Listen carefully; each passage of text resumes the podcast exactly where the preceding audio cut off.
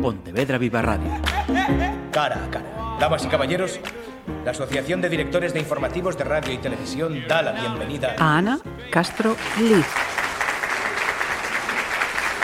Saludos, nos acompaña en este cara a cara una joven psicóloga y sexóloga aprovechando su visita a Pontevedra para presentar su último libro, Aprende de tus cicatriz ex.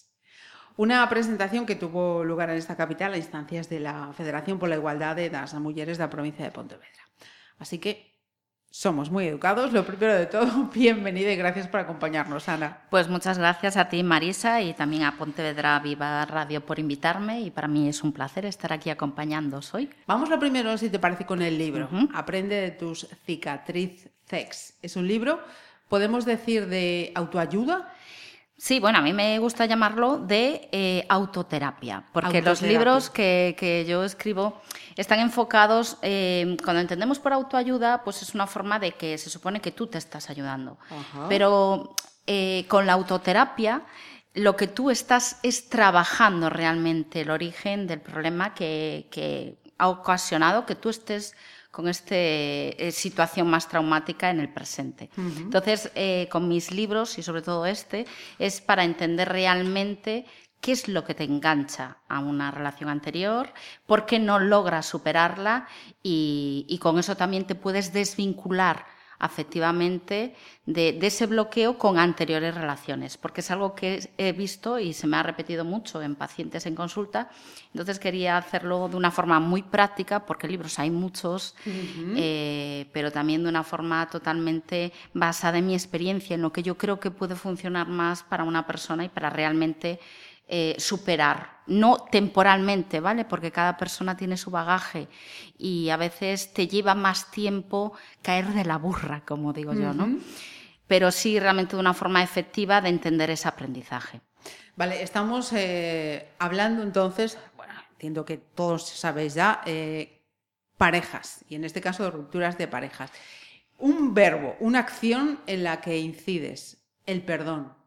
Perdón a la persona, perdón a los hechos que han pasado o a todo? Perdón a los pensamientos que tú has generado con respecto a esa situación y perdón también hacia los pensamientos que tú has generado hacia esa persona y hacia ti mismo. Porque muchas veces eh, algo que me, que me he encontrado con, muchos pacientes es que se quedan anclados y pegados a la idea que han tenido de lo que tenía que ser esa relación, a sus expectativas. Y como su pareja o expareja no las ha cumplido, pues entonces se han enfadado mucho con eso. Y ahí se han quedado en el yo tenía que haberlo dejado antes, yo tenía que haber actuado de otra manera para que la relación no fuera mal, yo tenía que haber eh, hecho algo de otra manera para que esa persona actuara de otra forma y ahí se quedan. Y eso eh, hace quedarte en una de las primeras fases del duelo y, de esos duelos que, se llaman patológicos, ¿no? que pasa un año, dos años, tres años, diez años y, que te sigue, sigues acordando de esa persona. Entonces, el perdón es fundamental, entendiéndolo a nivel mental, porque muchas veces eh, eh, realmente creen que el perdón es un sentimiento, el perdón es una elección, es una decisión de liberarte de un tormento. Y entonces, bueno, cuando un poco eh, explicas y amplías ese concepto y entiendes, porque si no entendemos las cosas a veces no las superamos, es cuando logras desvincularte de, ese, de esa obsesión que, te está machacando. De eso que acabas de decir, anoto expectativas porque más adelante eh, volveremos por ahí. También hablas de, mm, romper con el patrón de repetición de relaciones. ¿Esto significa entonces que reincidimos continuamente en perfiles de personas, en comportamientos? Sí, bien, yo baso, bueno, no solo yo, muchos psicólogos, porque es una corriente también dentro de la psicología, aunque hay muchos otros que no opinan esto, de que nuestras selecciones de pareja tienen mucho que ver con eh, la herencia comportamental que hemos visto en nuestros padres. Entonces tenemos una tendencia a buscarnos parejas similares a nuestro padre o nuestra madre, pero es por un tema de imitación. Nosotros eh, existimos cuando somos pequeños eh, gracias a la imitación. Hablamos por imitación, caminamos por imitación, pero nadie nos dice que podemos actuar libremente en muchas otras cosas. Con lo cual nosotros ya de pequeñitos, con cuatro, cinco, seis años, cogemos ese chip en donde eh, de casi de forma eh, hipnótica empezamos a copiar. Además no lo, no lo reafirman. ¡Ay, eres como tu padre! ¡Eres como tu madre! Entonces parece que eso nos da más valor valor. Pero también sucede cuando a veces nos repiten, uy, es que eres tan terco como tu madre cuando te lo dice tu padre y viceversa. Bueno, todo eso nos va marcando. Entonces, eso nos hace muchas veces encontrarnos con parejas que obviamente inicialmente tú no dices, venga, voy a por esa porque es como mi padre o mi madre, no lo sabes. Pero clink, pasa el tiempo y de repente dices, carambas, me siento que me estoy comportando como a lo mejor mis padres hacen entre sí y me he encontrado con una pareja que tiene el papel contrario. Entonces, bueno, dejas esa relación porque no funciona, porque es tóxica. Pasa el tiempo, te vuelves a enamorar y viene otra persona y de repente es similar. Entonces, hay gente que dice, bueno, eh, yo no volvería nunca con un ex. Y esto es una manera de volver con un ex, porque cuando repites patrón, estás volviendo constantemente con un ex. Entonces, lo que tienes que sanar ahí es ese, e, esa eh, fotocopia que tú has hecho de tus padres, entender quién eres tú, desvinculándote un poco de esa eh, repetición, de esa herencia, agradeciendo eh, eh, parte de, tu proceso y de tu aprendizaje por lo que te han dado, pero a partir de ahora eh, descubrir quién eres tú para identificarte con nuevas personas, sobre todo más sanas. Y al sanarte tú, también vas a encontrarte a personas más sanas. Em, hablemos de, de, pareja, de vivir en pareja. Y te pregunto, Ana, ¿sigue siendo una regla no escrita en la sociedad? O sea, hay que vivir en pareja para estar socialmente incluido, aceptado? Bueno, yo creo que afortunadamente em, está cambiando. Está cambiando porque ya no hay esa presión.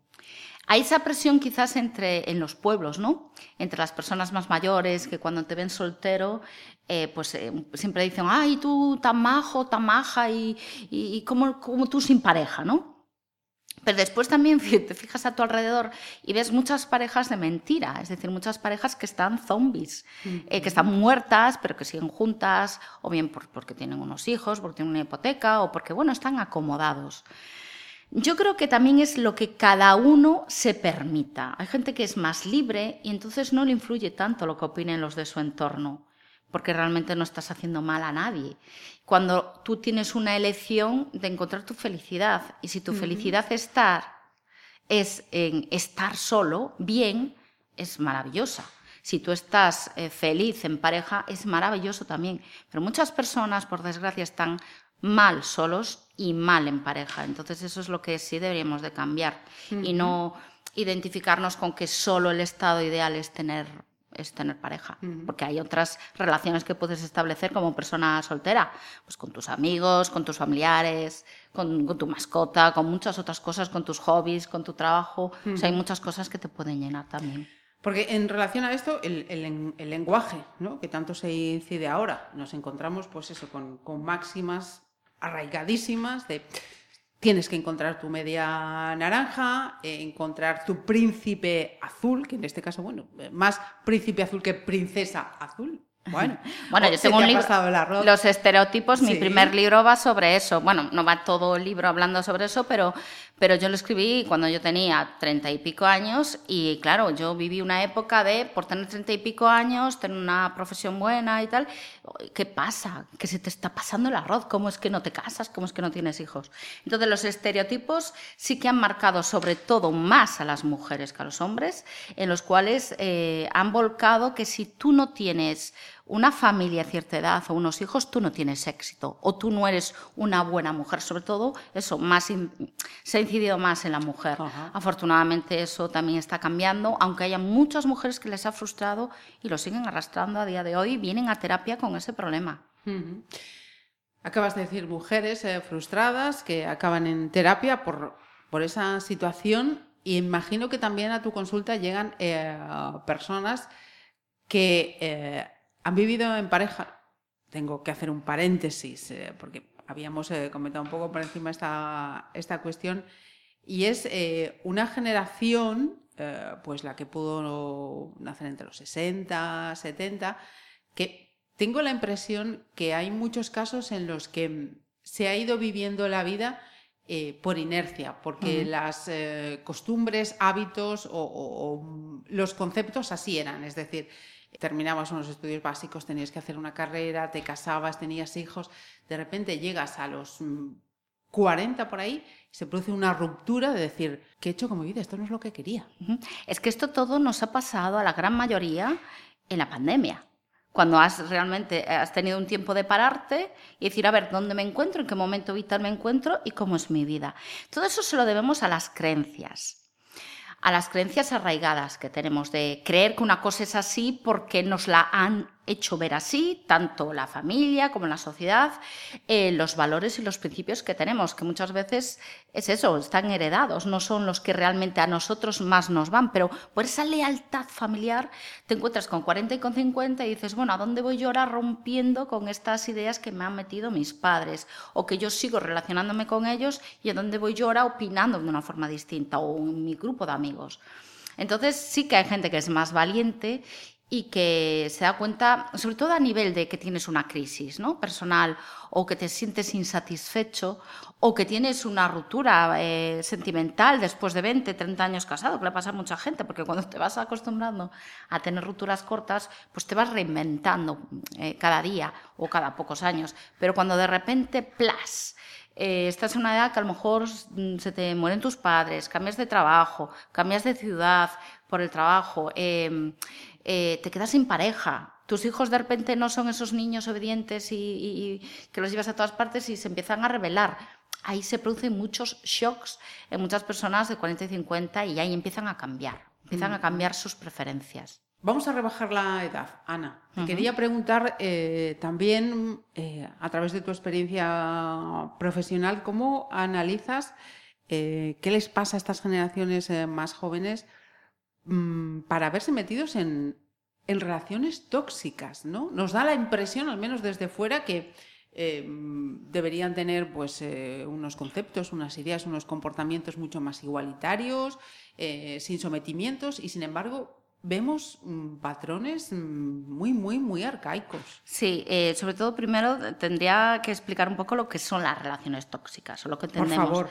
Las relaciones tóxicas son todas esas en las que hay una lucha de poder un ya te lo dije, eh, yo más, y si no haces como yo quiero, me enfado, y donde existen celos, donde existen comparaciones, donde existe un triángulo eh, comportamental muy característico, en el cual eh, yo me victimizo o yo soy tu verdugo, es decir, donde yo ejerzo un, poder eh, de violencia eh, verbal, eh, física o paso de ti, pero a veces te hago ver que no.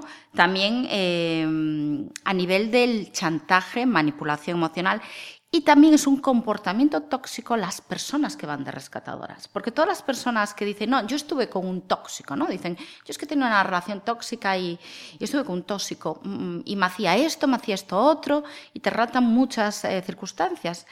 ¿Y cuánto tiempo estuviste con esa persona? Uy, pues estuve cinco años, seis años. ¿Y tú qué hacías? Ay, pues yo, claro, yo le explicaba, yo estaba. Pues tú también has tenido un comportamiento de rescatador.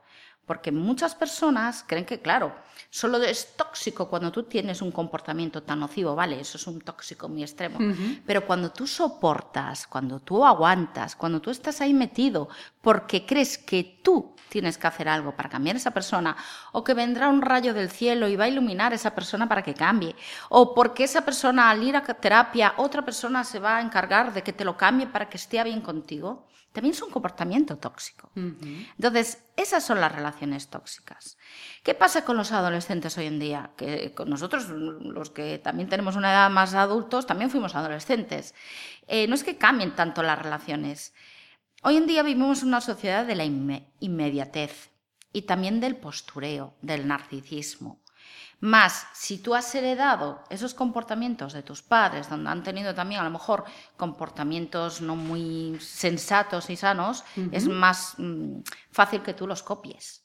Sí, lo que decíamos antes. Unido a que todo lo queremos para allá, en que encima nos lo dan, en que nos volvemos caprichosos, entonces hay ese cambio constante de, va, tú no me aguantas, me aguantará otra. Por eso también hay muchas infidelidades entre la gente joven y hay muchas faltas de respeto porque les falta una buena base de, creencias, de valores, de principios y sobre todo de tener un, proyecto de vida. O sea, puedes tener un proyecto de vida con 15 años, es decir, a corto plazo, a saber lo que tú quieres hacer, que, porque entiendes eh, tener una pareja a tu lado, esas cosillas sí que se pueden explicar a nivel familiar, incluso escolar, social, para que, para que no existan todos estos dramas y todas estas situaciones de, de tristeza y de, de, semidepresión en la gente joven por, por estas eh, eh, relaciones pues tan poco favorecedoras para ellos.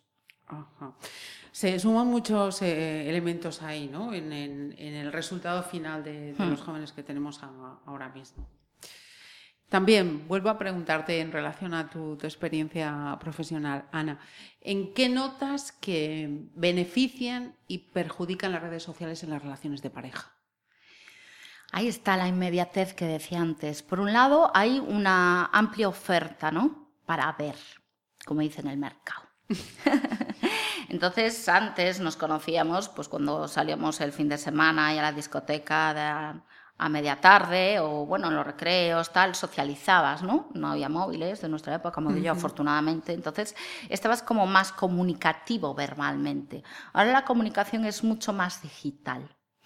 E incluso tú te fijas en parejas que están comiendo juntas o están paseando, no se hablan, enseguida sacan el móvil, ¿no? Por un lado, pues eh, claro, eh, como tienen esa insatisfacción interior, necesitan enseguida más estímulos, porque, porque los han tenido, porque es gente que se ha criado con, en vez de 3, 4 juguetes, con 25 juguetes cada, cada cumpleaños o cada reyes. Entonces, eso mismo pasa con las personas.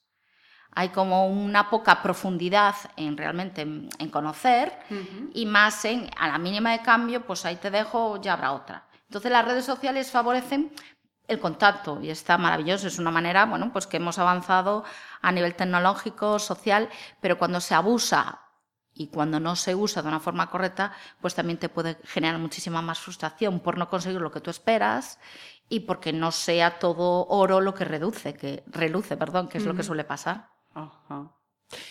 ¿Y el sexo? ¿Avanzamos o retrocedemos, Ana? bueno, eh, también tenemos una amplia información de todo tipo. Hay foros de todo tipo hoy en día. Tú estás solo desde tu casa y a un clic encuentras lo que buscas. Entonces hemos avanzado terriblemente, exponencialmente. Eh, también es cierto que, bueno, eh, hablando a nivel sexual de satisfacción, hay igual de satisfacción o insatisfacción que siempre. Porque por un lado está la libertad de escoger, por otro lado eh, también todas las prácticas que a lo mejor tú desconocías y que por lo menos ahora dices, ay mira, esto se llama así y esto estas personas lo hacen. El poliamor, todas estas cosas nuevas que ahora se pueden verbalizar que siempre existieron.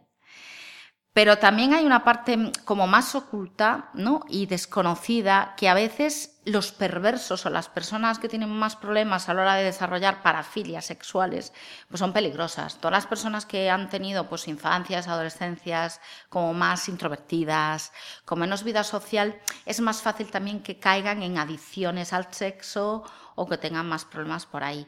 Pero bueno, que hoy está como más expuesto todo y sí que hemos avanzado. Vamos a sacar la lectura positiva en la cual puedes hablar con libertad de, con tu pareja sobre lo que te apetece, lo que quieres y en caso de que bueno, las cosas no, no vayan bien, también puedes acceder a, a personas que te pueden ayudar. Uh -huh. O sea que estamos también a, a favor de, de, una tecnología sexual y de un avance sexual y una revolución sexual. Quería preguntarte por tu canal de YouTube. ¿no? Yo recuerdo, quizás una cosa de mi generación, ¿no?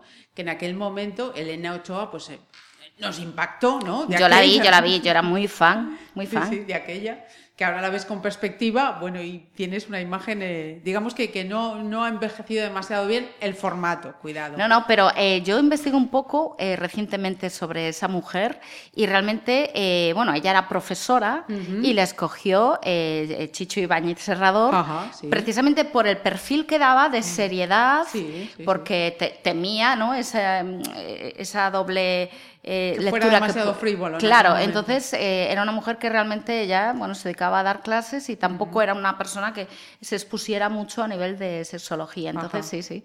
Bueno, pues en el canal de YouTube de Ana Castro, eh, ¿qué ofreces? ¿Qué cuentas? Y si tienes ese feedback, ¿quién busca esa información?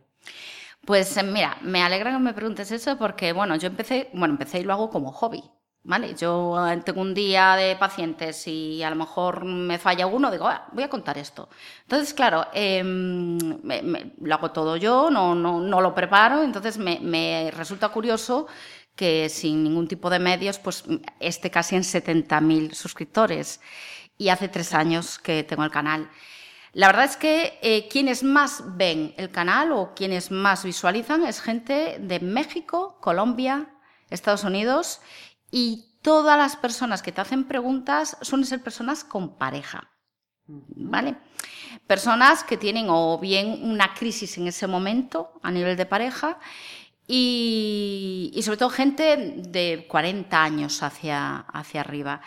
Sí que me hablan mucho por ahí, me piden consulta y me, me llama la atención lo abiertos que son mucho más quizás la gente sudamericana que la gente española en ese sentido, ¿no? Tienen como una conexión con el sexo eh, como, más fresca, como más natural y que le dan muchísima importancia. Es decir, para ellos tener, por decirte un ejemplo, una semana eh, sin sexo o un problema puntual es, es mucho más importante que una persona aquí.